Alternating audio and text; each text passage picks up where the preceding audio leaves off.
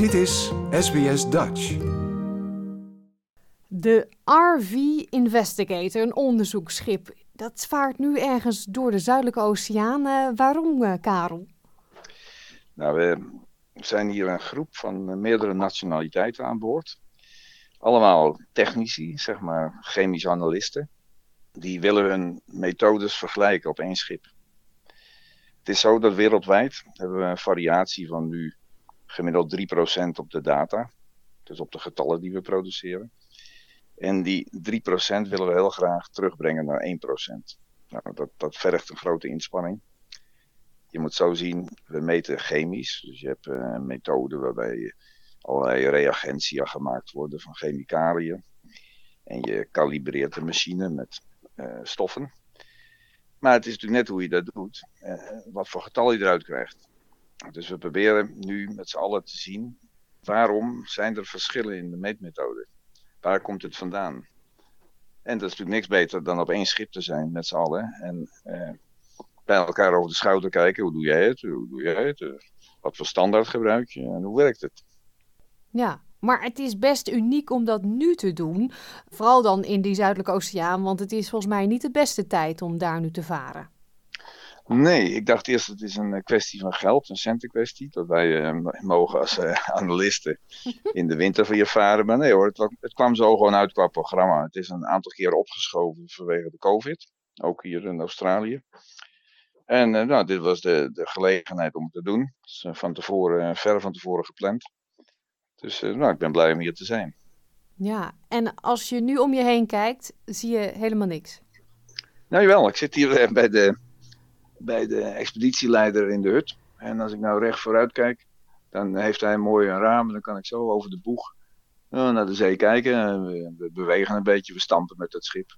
Het gaat uh, misschien voor hier vier meter heen en weer. En de golfhoogte is iets van nou, twee meter, valt wel mee. Oh, dat is rustig inderdaad. Ja.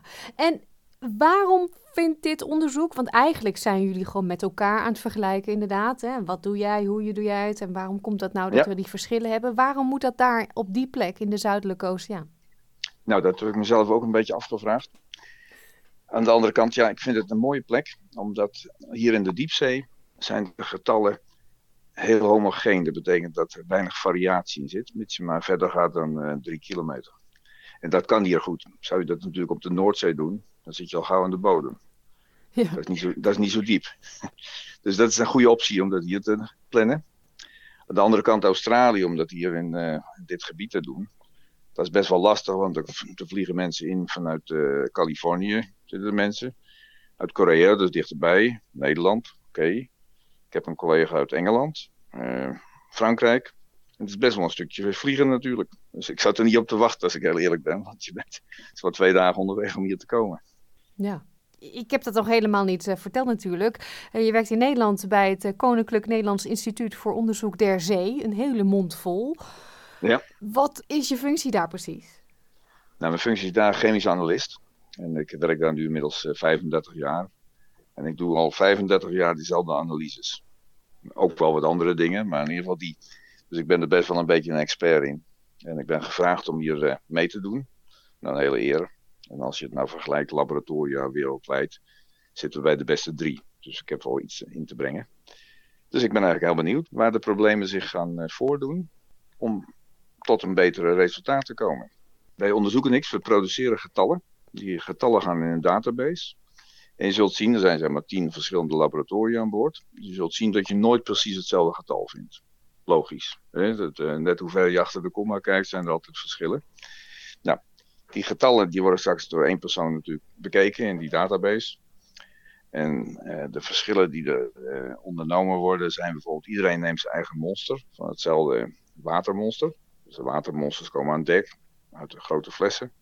Nou, iedereen mag zelf zijn eigen monster tappen. Dus de verschillen treden op misschien bij de monsternamen.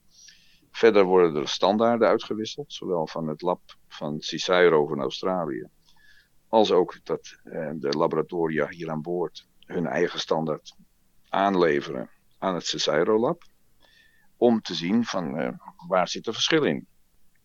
Snap je? Er moet natuurlijk hmm. gewoon over water getild worden. Waarom leveren wij nu verschillende getallen af?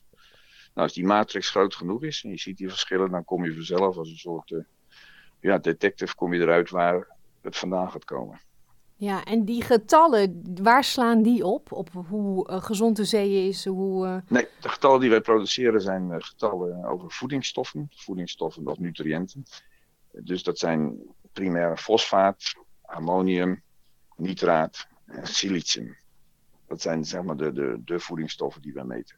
En die zitten in een bepaalde gelaagdheid in die oceaan. Dus als je zeg maar monsters neemt van oppervlakte naar bodem of andersom, je, je krijgt een bepaald profiel te zien. Ja. Iedereen die, eh, die produceert zo'n profiel en dan ga je natuurlijk verschillen zien. Want ja, we hebben inmiddels uh, hebben een internationale standaard gekregen die als referentie kan dienen. Wat natuurlijk heel behulpzaam is. En die hebben wij hier aan boord gekregen van Cesairo. En die mag, ieder lab mag vier van die standaarden meten, elke dag. Dus daar, met de gegevens die je aflevert, lever je ook de gegevens af die je vindt in die referentiestandaarden. Je moet je voorstellen, wereldwijd vaart er een schip zoals de RV Investigator. Hè. Nederland heeft zijn eigen scheepje, dat is dan de Pelagia, een stukje kleiner. En Spanje heeft een groot schip, Frankrijk heeft een schip. Iedereen heeft schepen, maar je wil vandaag aan de dag wil je een model kunnen maken, klimaatmodel, noem maar wat voor model.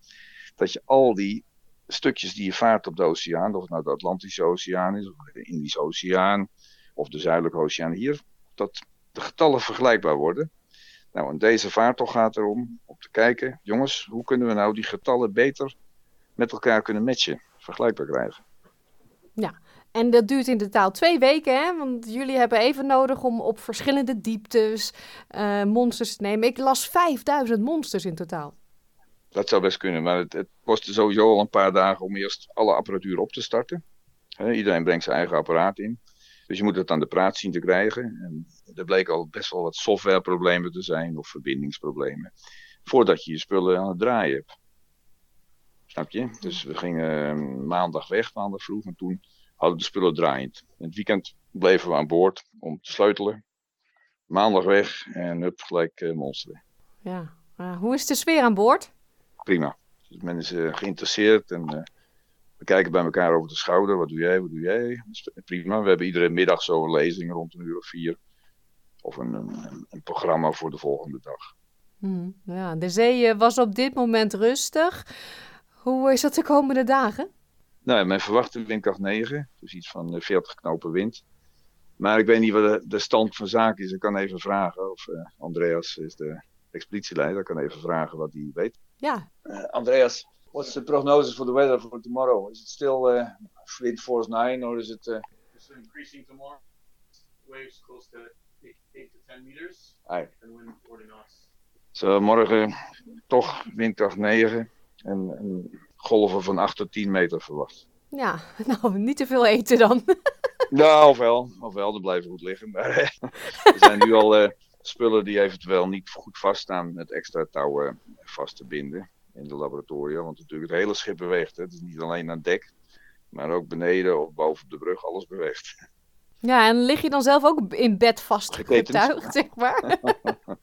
nou, ik lig heel stabiel. Ik, uh, ik heb heel veel gevaar. Ik denk dat dit misschien mijn honderdste plus expeditie is. Dus, dus uh, ik geef er niks op. Nee. Nou, ik wens jullie uh, heel veel succes met het vergelijken van alle cijfertjes. Ja. En um, ja, een behouden vaart.